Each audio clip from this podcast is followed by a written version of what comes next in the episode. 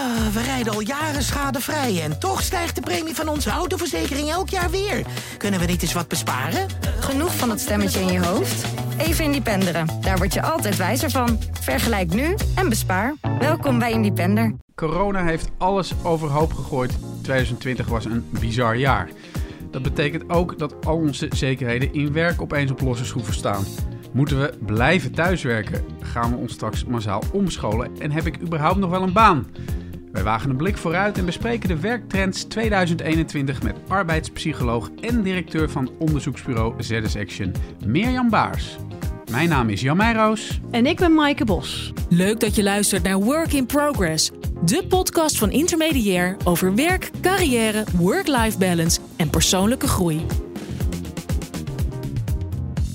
Mirjam, welkom. Wederom, we spreken elkaar af en toe via deze podcast. Fijn dat je er bent. Uh, met ZS Action voer jij ieder jaar het Nationaal Onderzoek Talentontwikkeling uit. En je spreekt dan met ruim 50 tot 60 Nederlandse bedrijven. Dus jij weet uh, ja, wat er speelt, ook in deze gekke tijd. Uh, hoe zou jij op dit moment de arbeidsmarkt omschrijven? Het is een heel bizar jaar.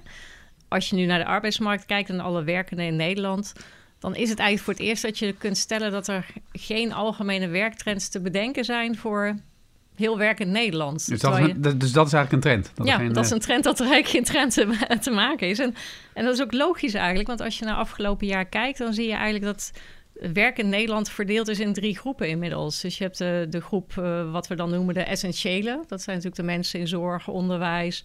Mensen die de supermarkten bevoorraden. Zorgen dat de logistiek alle pakjes uh, op zijn plek uh, terechtkomen. Ja, ik denk dat bij bol.com, daar kijken ze terug op een heel succesvol jaar. Ja, ja. Um, dan heb je daarnaast een groep, en die, die, zie je natuurlijk het meest in de media op dit moment. Hè. De, dat kun je stellen, dat zijn de ja, niet-essentiële. Het lijkt mij heel pijnlijk dat als jouw beroep zo wordt getypeerd, dat komt wel binnen. Want dat lijkt opeens dat je eigenlijk een soort van overbodig bent. Terwijl je misschien je hele leven al je ziel en zaligheid daar al ingelegd hebt. En, ja, uh, al die uh, cafés en restaurants die dicht ja, zijn. Ja, dus, de vliegtuigindustrie. Ja, ja je, je kunt ook nog wel wat op die, die term uh, afdingen natuurlijk. Dat, ik denk dat verstrooiing, was het, want ik neem aan dat je doelt ook op toeristen, toeristenbranche ja. en, de, en, de, en ja. cultuur dat dat een essentieel onderdeel vormt van, uh, van een, een goed lopende maatschappij. Absoluut, Daarom zie je nu ook zo, uh, zoveel onvrede. Ja. En, en dan heb je daarnaast eigenlijk nog de groep van de thuiswerkers. En dat zijn natuurlijk de mensen die vaak middelbaar hoger opgeleid zijn, die vaak online heel gemakkelijke werk ook vanuit huis kunnen doen. En uh, ja, dit is weer een hele eigen groep met ook weer hele eigen dynamieken. Nou, ik denk dat de, die laatste groep ook het belangrijkste is. Dat we daar ook over moeten gaan hebben. Ja. Ook als we even kijken naar de, de mensen die naar, naar, deze podcast luisteren. Mensen zitten dan inderdaad thuis uh, in hun kamer te werken. Ze, ze zijn met uh, Zoom en Teams aan het pielen. Nou, dat kent iedereen inmiddels wel. Maar goed, mensen zijn ook Zoom-moe aan het worden. Kerstborrels via Zoom, daar wordt al niet heel enthousiast mee op, op gereageerd. En nu, wat, wat staat hun te wachten volgend jaar? Ja, ik denk dat waar ze zich voor op moeten maken, en, en dat zal niet eens iets heel nieuws zijn, omdat heel veel thuiswerkenden daar afgelopen jaar ook al flink mee geconfronteerd zijn, is dat uh, wat, wat wij uit wereldwijd onderzoek ook zien van uh, het World Economic Forum, dat er een enorme trend deze, dit jaar, maar ook komende jaren gaat komen op het gebied van online leren. Dus we zien nu dat bijvoorbeeld mensen op eigen initiatief al vier keer zoveel online trainingen volgen dan voorheen. Uh, dat werkgevers vijf keer zoveel uh, online trainingen aan werknemers uh, aanbieden. En dat zelfs de overheid, dat is geen onbelangrijke partij in dit geheel op dit moment zelfs negen keer zoveel online trainingen aanbiedt dan ze ooit gedaan hebben. Zijn dat inderdaad ook echt trainingen van zo werkt Zoom of uh, online ja, vergaderen, ja, ik denk tips en tricks? Deel, uh, ik, ik, werk zelf ook part-time in het hoger onderwijs en daar zie ik dat daar zien we dat eigenlijk dat het heel hard ging. Hè. We moesten opeens via MS Teams lesgeven, we moesten andere didactieken aanleren, ook leren samenwerken natuurlijk met je collega's online. Dat is ook echt nog wel een, een uitdaging. Dus, uh, en die versnelling en, en een combinatie eigenlijk van een trend die er al was. Hè. Je had natuurlijk al digitalisering, automatisering van zichzelf. Maar dat heeft nu een enorme push gekregen door, door, uh, ja, door een grote pandemie eigenlijk. Weet je waar ik opeens aan moet denken? Wat ik het meeste mis met dat thuiswerken is zeg maar de blik van iemand anders verder weg achter een computertje. Weet je wel, die af en toe dat je dan even naar de ander kijkt of zo. Ja. Je zit toch een beetje eh, verscholen in je eentje en, eh, en Ja. je doet je dingen. En je kunt ook een uurtje wat anders gaan doen. Of, of als je je rot voelt, ga je een uurtje Ja. wandelen.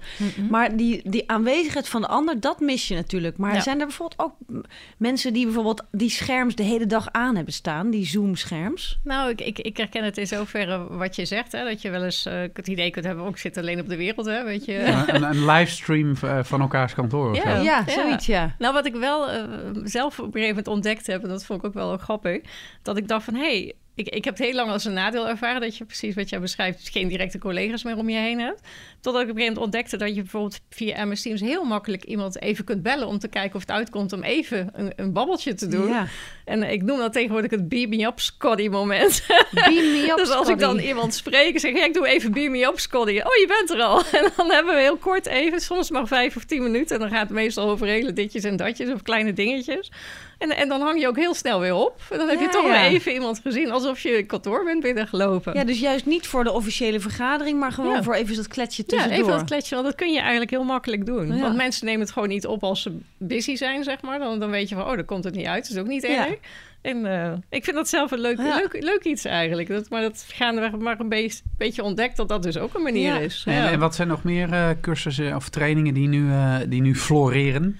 Ja, ik heb eh, in april contact gehad met eh Springers. Eh, die zijn landelijk heel actief op het gebied van allerlei opleidingen. Die zijn toen ook eh, direct toen die pandemie kwam... meteen met online trainingen begonnen. Ze hadden in no time 7500 online trainingen staan. En eh, wat ik vooral terughoorde was eh leiding geven op afstand. was een hele populaire. Ja. Eh, maar ook de Lean, ja, Lean Six Sigma. Dat is eigenlijk meer een efficiëntietraining, management trainingen. Ze zeiden dat blijft nog steeds heel bepalend. Dus eh, het zijn toch eigenlijk nog een beetje de trainingen die we altijd ook al hadden. Ja. En, en nu zie je diezelfde trainingen, maar dan in een online variant. Ja, want ik bedoel, werk op afstand. Nou ja, goed, dat, het is eh, zeg maar het pure werk is gebleken dat dat in principe wel doorgaat. Even afgezien van je mentale, gest- eh, mentale gesteldheid. Hè? Want er zijn ook mensen die echt wel die collega's missen en die, Ja. Ja. die dat alleen werk helemaal niet zo leuk vinden. Maar leiding geven op afstand lijkt me eigenlijk nog wel veel moeilijker. Ik denk ook Want, dat... eh, ja. ja. Waar, ik zelf persoonlijk heel erg in geloof, is, is toch dat we op termijn zullen omslaan misschien naar toch meer... Dat, ik zie ook dat de bedrijven die nu al holocratisch werkten, meer in zelfsturende teams, dat die het makkelijker hebben in dit soort tijden. Dus dat mensen gewoon heel veel bredere taken naast hun uitvoerend werk zeg maar opnemen. Dat, dat, dat het ja. daar meer vanzelf gaat. Ja, ja, die, die, ja. Maar dat is ook wel omdat, want we hebben wel vaker mensen hier aan, aan tafel gehad daarover. Ja. Dat is ook wel omdat ze al ehm, een soort van geïnstitutionaliseerde overlegmomentjes hebben. Hè? Ja. Het is niet dat ze zo één leider hebben Mooi en woord. één team. Ja. ja. Heel mooi. Maar dat ze van de ene keer zitten ze in dit team en dat team. En ze Ja. hebben bijvoorbeeld heel standaard dat ze elke dag 's ochtends een dagopening hebben met z'n allen via Zoom of zo. Ja. Dus dat, dat was er al en dat, dat is dus niet iets nieuws dan. Misschien is dat toch Ja. wel. Ja, en ik Ja. denk, ik schat zo in dat steeds meer organisaties zullen merken dat het voor één leidinggevende ongelooflijk lastig is. Zeker omdat we vaak zien dat een leidinggevende best wel een brede span of control heeft. Hè. Dat is vaak al 10, 20 mensen, als er niet 30 of 40 zijn. Dat is bijna onmogelijk om daar nog via Zoom eh, contact mee te houden op een prettige manier. Ja. Dus het, het wordt bijna noodzakelijk als we langere tijd eh, online blijven werken om daar subteams van te maken. Precies met zo'n daily start-up. En, en die subteams mensen ook bredere taken te geven, die eigenlijk meer voorheen door de manager werden uitgevoerd. Waardoor ze in allerlei samenwerkingsverbanden iedere keer een klein contactmomentje ook weer met collega's hebben. En eh, ja, dat is, wordt denk ik ook wel een, een belangrijke trend richting de toekomst. Nou, ik, mer- ik, ik hoor ook van mensen die eh, dan bijvoorbeeld wel eh, een, eh, voor kleine groepen wel online trainingen geven. Dat het best intensief is om gewoon drie uur lang naar zo'n scherm te kijken. Want Ja. vaak in chunks van drie uur of, of, of soms echt een hele dag ook. Met, Ja. met, wel met pauzes. Eh, dat is toch intensiever en daardoor eh, dat je energie gewoon sneller eh, wegcijpelt dan in een zaal met schermen en even lopen en tussendoor even heen en Ja. weer. Ik denk dat dat absoluut waar is hoor. Ik denk dat, dat we ook, moet- ook moeten leren dat een offline training of een online training, dat dat absoluut niet hetzelfde is. Dat je een heel andere soort ja, wij noemen het dan een soort didactiek moet toepassen. Wil je dat op een leuke manier nog kunnen doen? Want Kijk, mensen kunnen niet luisteren een, half uur lang naar iemand. Nee. Of, eh, nee. Nee, en kijk, en offline, dan heb je toch, dan kun je aan iemands lichaamshouding zien. Of je voelt de stemming van, god, nou moet ik even mijn mond houden. Ik ben iemand die de hele tijd overal doorheen tettert altijd. Maar zeker met Zoom, dan moet je echt wachten op je beurt. En, eh, Ja. Maar ehm, zijn er ook voordelen aan, aan, aan dat online leren? Want ik Ja. kan me ook voorstellen dat je dan ja, misschien eh, meer in een tunnel zit of zo. Nou ja, het blijkt uit wetenschappelijk onderzoek dat online leren eigenlijk heel veel effectiever is dan, dan eh klassikaal leren. En dat heeft te Oh. maken met wat ze dan met een hele mooie term taakgerichte leertijd eh, noemen. Dus je bent veel meer gericht op datgene wat je wilt leren zonder afgeleid te worden door allerlei Maar- dynamieken. Maar dat geldt dan denk ik voor volwassenen. Want ik bedoel, voor kinderen horen we juist dat, dat, dat door dat, eh, die lockdown en dat thuisonderwijs... dat die juist op, op sommige, eh, in sommige gebieden in Nederland juist een achterstand hebben opgelopen. Ja. Ja, ik denk ook voor, voor, voor kinderen heel moeilijk is geweest om een hele korte tijd zonder daar eigenlijk goed in begeleid te worden. Want ouders zaten eigenlijk in diezelfde dynamiek. Hè? Want die moesten ook opeens alles online doen. Wisten ook nog helemaal niet hoe het werkte en wat de bedoeling was. Ja. wat dat betreft vind ik Nederland wel de lat telkens heel hoog leggen op allerlei vlakken. hè. We willen dat het werk door blijft gaan alsof er niks aan de hand is. We willen dat eh, studenten en leerlingen blijven leren alsof er niks aan de hand is. En intussen is er wel een onderlaag waar je continu merkt dat er heel veel aan de hand Ja. is. Work in progress. We hebben nog wel een, eh, een thema, eh, iets van een, een werktrend 2021. En dat is dat je steeds meer wendbaar moet zijn. Ja. Omdat er natuurlijk heel veel veranderd is in de samenleving en, en eh, het werk verandert ook. Ehm, ja, ik denk dan meteen ook, oeh, dat is spannend. Mensen denken, blijft er wel een plek voor mij? In welke sectoren is er nou meer verandering nodig dan in andere? Nou, ik denk dat voor ieder beroep dit jaar bijna wel gold dat je je werk bijna opnieuw moest uitvinden. Omdat alles veranderde. Hè? Dus eh, we hadden het straks al over de supermarkten. Dat je denkt, oh ja, een supermarkt is ook niet meer de supermarkt die die was. Hè? Want mensen moeten allerlei veiligheidsmaatregelen nemen.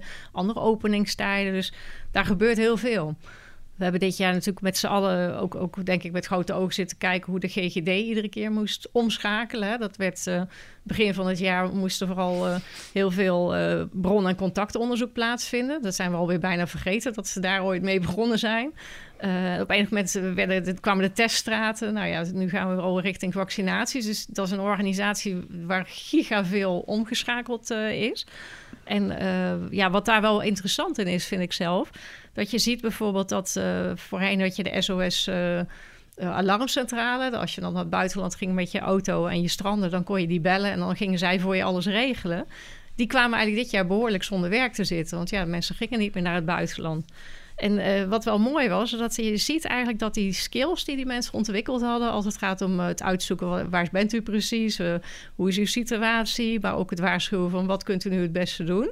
Die skills die bleken één op één heel goed toepasbaar op dat bron- en contactonderzoek. Dus Ja.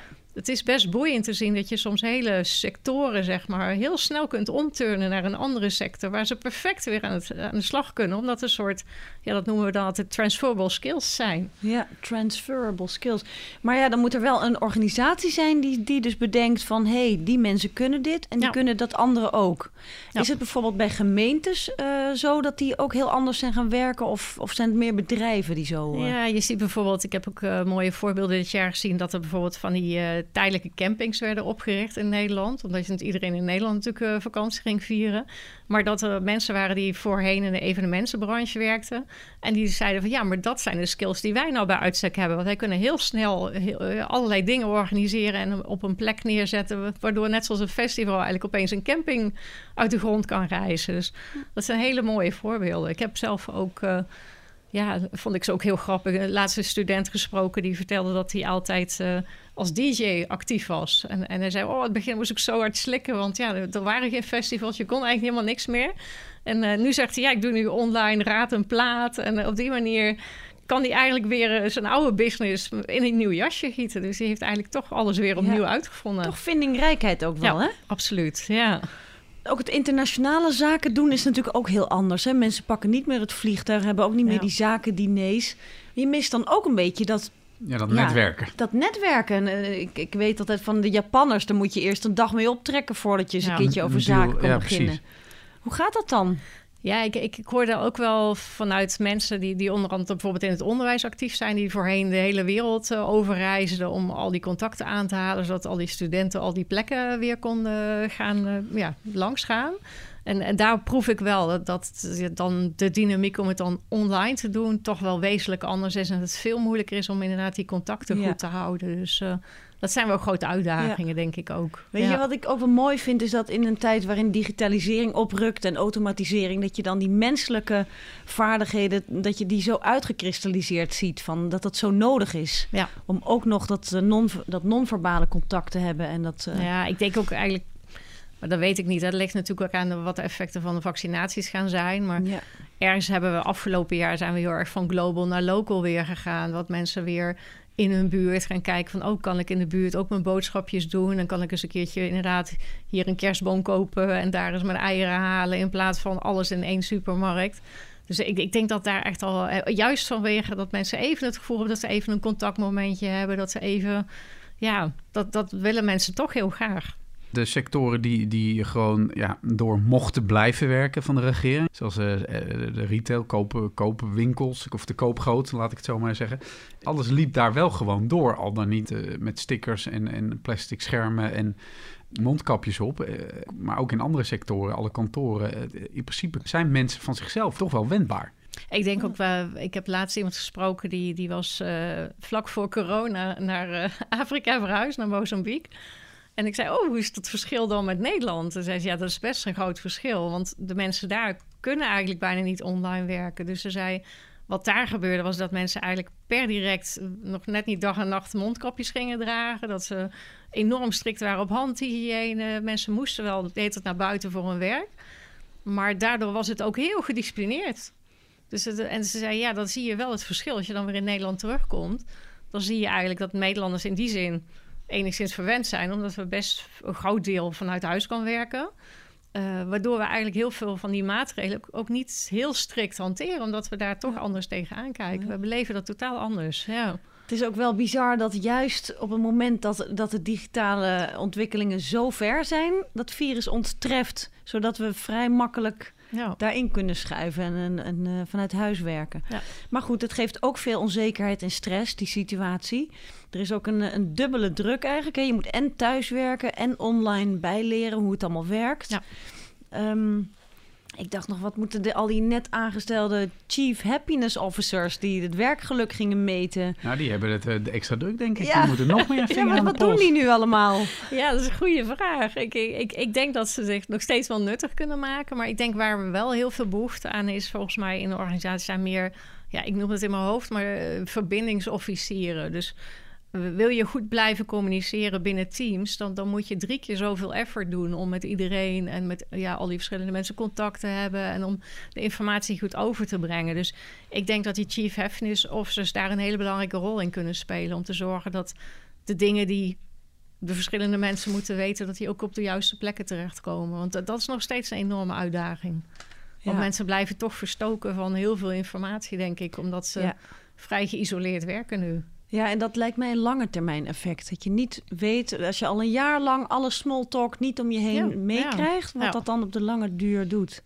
Maar bijvoorbeeld ook een betere bureaustoel of uh, nou een, een, andere tafelhoogte, dat soort dingen. Wordt dat ook gedaan door bedrijven? Ik denk dat er wel bedrijven daar al mee bezig zijn. Dus dat, uh, en de ene bedrijf zal daar veel. Ik, ik hoor wel verhalen inderdaad dat, dat je het bureaustoel op je werk kunt gaan ophalen en hem dan thuis neerzetten. Met, maar ik denk dat elk bedrijf er ontzettend veel belang bij heeft om, om dat juist goed te faciliteren. Want je wil niet dat mensen met rugklachten uitvallen of uh, ja, met, met stress of burn-out klachten, omdat ze al die prikkels eigenlijk op ja. een gegeven moment niet meer uh, kunnen handelen. Ja, nou is het dus, het is aan de ene kant zo dat je heb je die reistijd niet, je hebt die stress niet om uh, op tijd te komen, je, je hebt ook niet uh, die stress om je kinderen op tijd op te halen. Aan de andere kant moet je je verhouden tot inderdaad de klussers of de kinderen die thuis zijn om drie uur s middags en jij moet nog tot vijf, zes uur door. Um, maar uh, wat kun je nou doen om in balans te blijven in deze tijd? Wat zijn ja. daarin de trends? Ja, ik denk wat, wat je denk ik heel goed kunt doen is zowel heel veel aandacht besteden aan bewegen. Dus uh, fysiek uh, het wandelen. Je ziet heel veel mensen nu ook echt hardlopen. ik denk dat, dat dit jaar on, onwerkelijk veel uh, hardloopschoenen, denk ik, verkocht zijn. Als ik zie om me heen hoeveel mensen nu tussendoor eventjes een rondje gaan doen. Uh, en, en, ik denk aan de andere kant ook verstellen heel belangrijk is. Je hoort ook mensen... Verstillen. Meer, ja, hm. en, en dan, dan, kun je meer denken aan meditatieachtige sessies... die mensen dan online kunnen doen. En ik denk dat die combinatie heel belangrijk is om, om in de balans te blijven. Doe je wel eens een meditatie, Jan? nee, ik uh, doe geen meditatie, maar ik heb op uh, mijn uh, horloge zit zo'n appje dat je af en toe die zegt van je moet nu even een minuut ja. ademhalen, diep ademhalen. Ja. Oh, maar ik probeer wel drie keer per week te sporten. Ik heb met een, een, een clubje mensen waar we normaal altijd buiten les kregen vanuit de sportschool, hebben wij nu dat wij zelf afspreken met elkaar. En hebben we ook gekleurde hesjes aan. Oh, ja. En dan doen we anderhalve meter afstand. Dus als, uh, want er komen dan buurtbewoners, die komen dan natuurlijk weer naggen van dat we te groot zijn. Maar dan zeggen we nee, want we hebben een groepje blauw en een groepje rood en een groepje lichtblauw. En die staan dus allemaal van elkaar. we hebben ook pilonnetjes helemaal met elkaar. Maar doordat je bootcamp-achtig zelf. Ja, maar doordat je... toch elkaar, uh, zeg maar, uh, we hebben ook een appgroepje. Dus je, je, je, je, voelt, als je een keer niet komt, voel je ook echt meteen helemaal een beetje schuldig. Ook. Dan denk je van, ja, ik laat de groep stikken. En uh, dat is altijd op uh, woensdagavond, donderdagavond en zaterdagochtend. Super, ja. Um, we hadden het over inderdaad, wat kunnen werkgevers doen om, uh, om, om te helpen wenden en zo. We zijn nog steeds bij dat schakelen. Maar heb je nog een leuk voorbeeld van wat andere werkgevers doen om, ja, om, om beter te schakelen? Ja, ik, ik weet, en dat heeft onder andere met het schakelen te maken, maar ook met het contact tussen medewerkers onderling. Uh, wat ik wel mooi vind, dat Maxlead was daar heel actief in. Dat is een uh, internetmarketingbureau. en zij zeiden eigenlijk van ja, we, we, zagen eigenlijk het begin van de pandemie al meteen ja, dat de omzet even flink onder druk stond. En wat we toen zijn gaan doen, is eigenlijk heel veel contact met collega's gaan opnemen. We zelf, alle collega's zijn mee gaan denken hoe kunnen we actieve klanten werven. Ze zeiden, we hebben buddies aan elkaar gekoppeld, collega's onderling. We hebben mensen heel veel persoonlijk gebeld. We, we, we hebben borrelpakketten naar huis gestuurd. Uh, ja, de, mensen, eigenlijk zijn werkgevers wel heel innovatief geweest, ook afgelopen ja. jaar. Ook, ik heb zelf ook wel gezien dat, dat er, weet je wel, van die appeltaarten door de brievenbus kwamen. dat je denkt dat het kan. Ja, dat kan, weet je wel. Of ja, met Koningsdag, dat deed Maxley dan... Dat, dat mensen ingrediënten kregen om een taart te bakken. En dan gingen ze weer foto's sturen. Kijk, deze kaart heb ik gebakken. Dus ja, ja dat, dat, dat zijn toch echt wel leuke dingen ontstaan ja. eigenlijk. Work in progress. We hebben nog een derde trend ja. in de werktrends 2021, toch Jan? Zeker, Namelijk, het gaat om uh, IT. Ja, de ICT, de omslag naar ICT. En dat, is natuurlijk, dat, dat moet allemaal versneld. Um, dat is natuurlijk al jaren gaande, dat, ja. uh, die verregaande digitalisering. Uh, volgens mij, de vraag is natuurlijk ook, inderdaad, uh, is, wordt dat nu juist versneld door de, de, huidige situatie? Ja, wat je nu wel ziet is dat daar, dat weer een push gekregen heeft. Werkgevers, ja, die denken ook letterlijk na. Hè? Die denken, ja, computers en, en robots krijgen geen corona. Dus, uh, oh ja. dus waar mogelijk kunnen we natuurlijk toch slagen maken. Dus werkgevers zijn wel degelijk natuurlijk nu aan het kijken... waar kunnen we weer kosten besparen. Dus dat is wel een thema. Uh, maar je ziet ook uit dat uh, onderzoek van het World Economic Forum dat de behoefte aan ICT-skills bij alle werkgevers enorm groot is. En, en dat varieert van dat ze zeggen: ja, we, we moeten toch veel meer met uh, data science gaan doen, want we hebben heel veel data. Denk maar aan de online marketing. Hè? Dus er is steeds meer, als consument ben je steeds meer digitaal aan het consumeren, zal ik maar zeggen. Dus die data, dat is een enorme pool. Maar je ziet ook thema's als uh, ja, robotisering, artificiële intelligentie, cloud computing. Dat zijn eigenlijk allemaal thema's waarvan je ziet dat, dat dat heel erg aan het opkomen is. Ja. Ik, vind, uh, ik ben zelf niet zo'n heel erg digitale, hoe zeg je dat, vooruitloper. En, en voor mij klinkt het allemaal heel abstract. Als ik ja. denk aan artificial intelligence in, in, relatie tot mijn werk, dan, dan krijg ik een soort blackout. ja. Nou, Maar dat wat- is, wat dat is natuurlijk nu al heel erg gaande. Als jij, eh, als jij op, naar een webshop surft en je krijgt daarna zo'n chat eh, eh, en je krijgt zo'n zo'n digitale assistent, dat is al een soort van AI. Zo van, wat kan ik voor je doen? En dat is dan niet Ja. een echt persoon die dat antwoordt, maar dat zit in het algoritme. Ja, en, en, dat, zal, en dat zal steeds meer komen. En je hebt natuurlijk veel mensen nodig die dat aan de achterkant allemaal inregelen. En die dat toch klaarzetten. Die dat, eh, al die functionaliteiten bijhouden. Maar ik denk dat de- deze werktrend, dat eh, ongeacht de eh, corona of, of we wel of niet snel gevaccineerd kunnen worden sowieso al een trend is die, die, die zich de komende jaren heel sterk eh, gaat manifesteren. En ik denk ook dat, uh, wat we in het begin al noemden, hè, je hebt natuurlijk de, de essentiële en de niet-essentiële, thuiswerkers als uh, doelgroepen als je kijkt op de arbeidsmarkt op dit moment. ik ben bang dat er uiteindelijk ook een groep van die niet-essentiële werkers, die dus nu merken van, oh, maar mijn sector wordt enorm geraakt, dat die serieus moeten gaan nadenken over, kan ik richting de ICT mezelf nuttig maken? En er Ja. zijn al mooie initiatieven op dat vlak. eh, Maar dat is natuurlijk wel een enorme stap. Ik Ja. bedoel, als jij eh, van koken houdt en van de horeca en mensen eh, lekker eten naar eh, programmeren of... eh, ja, is ook. en ik weet niet of het interface voor design. iedereen weggelegd zal zijn. Nou, het Ja. mooie is natuurlijk, die groep van die niet-essentiële werk- werkenden, dat zijn juist de niet-essentiëlen geworden, omdat het met fysieke aanwezigheid te maken heeft, met menselijke, toch? Daarom, want daar kan de corona rond Ja. zingen. Ja. En dan zie je ook dat misschien die mensen juist niet door automatisering vervangen kunnen worden. Ja, nou is het niet helemaal waar. Hè? Ik, Hm. ik weet dat er bijvoorbeeld in, in Japan hadden ze op een gegeven moment het probleem dat ze zeiden van. We hebben zoveel, eh, dat, de, weet je wel, dat, dat de hele arbeidsbevolking zo aan het verouderen is. dat ze eigenlijk geen mensen meer in de horeca konden vinden. Dat, en, en toen hebben ze op een gegeven moment hele restaurants ingericht. met lopende treintjes die sushi rondbrachten. Ja.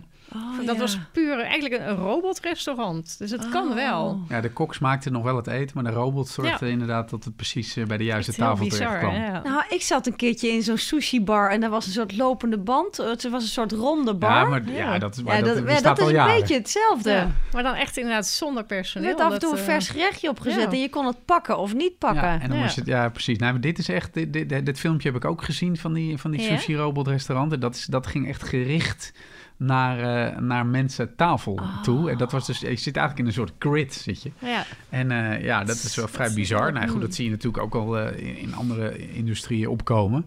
maar dat wordt wel de uitdaging, denk ik. Dat bijvoorbeeld de horecagelegenheden echt samen die investeringen gaan doen om op die manier. En dan zijn ze dus eigenlijk met ICT-skills bezig. Ja. Want dan wordt. Maar dat, dat bruine Ja. café, eh, dat kleine café in de haven, dat zal toch altijd blijven, toch? Ja, Ja. Ik bedoel, eh, Eh, daar, als je gewoon voor een lekker, eh, lekker eh, bierproeverijtje, dan heb je geen robot nodig hoor. nee, nee, dat klopt. Ik Dus, krijg meteen zo'n verlangen daarnaar Ja. als ik dit zo hoor. Maar over wat voor soort schaal hebben we het nou? Kun je wat cijfers geven van hoeveel procent werkgevers eh, nou, zitten denken aan, ja, weet je wel? Nou ja, wat je in ieder geval ziet is dat een kwart van de werkgevers al verwacht dat er een personele krimp aan gaat komen. Dus dat is behoorlijk. Ja. Eh, je ziet ook dat eh 70% of werkgevers vinden dat eigenlijk inschatten dat de komende vijf jaar 70% van de werknemers substantieel om bij of hergeschoold moet worden. Hm. Dus dat is fors. Ja. En dat betekent toch dat we zien van ja, de, de- het werk verandert. We moeten toch snel meeschakelen. Willen medewerkers die slag kunnen maken, zullen ze toch op allerlei vlakken met digitale toolings mee moeten. Ja. En dan moet je nou niet denken, denk ik, hè, van eh, oh, dan ben ik dus mijn hele baan kwijt en dan moet hoor ik bij die 70% die het helemaal anders moet doen. We zijn eigenlijk nu ook al erin aan het rollen, hè, dat we ons doen, werk ja. gewoon digitaal voortzetten. En Ja. we hadden echt een jaar geleden heel veel mensen hadden nog niet van Zoom of, of Nee, MS Teams nee. gehoord en al die functionaliteiten verbeteren ook. Ja, en daar zitten heel veel functionaliteiten in. Maar, maar we gebruiken, net zoals bij Word, ook maar een heel klein deel nog Ja. maar. Maar ik denk dat we komende jaren eh, dat heel snel gaan verdiepen. En heel snel zullen zien, oh, daar zit veel meer mogelijkheden. En, en dat ontdekken is eigenlijk Oh, ja. wel hartstikke mooi. Want dan kun je dus waarschijnlijk straks ook internationaal heel makkelijk werken. Omdat je wel weet hoe je sommige Ja. dingen technisch ook goed kunt realiseren. Dus Dat kan nog wel eens een, een mooie slag vooruit worden. ja, Ehm, ja, nou zijn er nog een, een heleboel mensen die denken ICT en ik. Nee. Ja, eh, liever niet. Ja. Eh, hoe haal je die nou over de streep?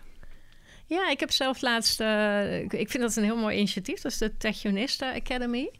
En die eh, leiden heel specifiek vrouwen op in de ICT.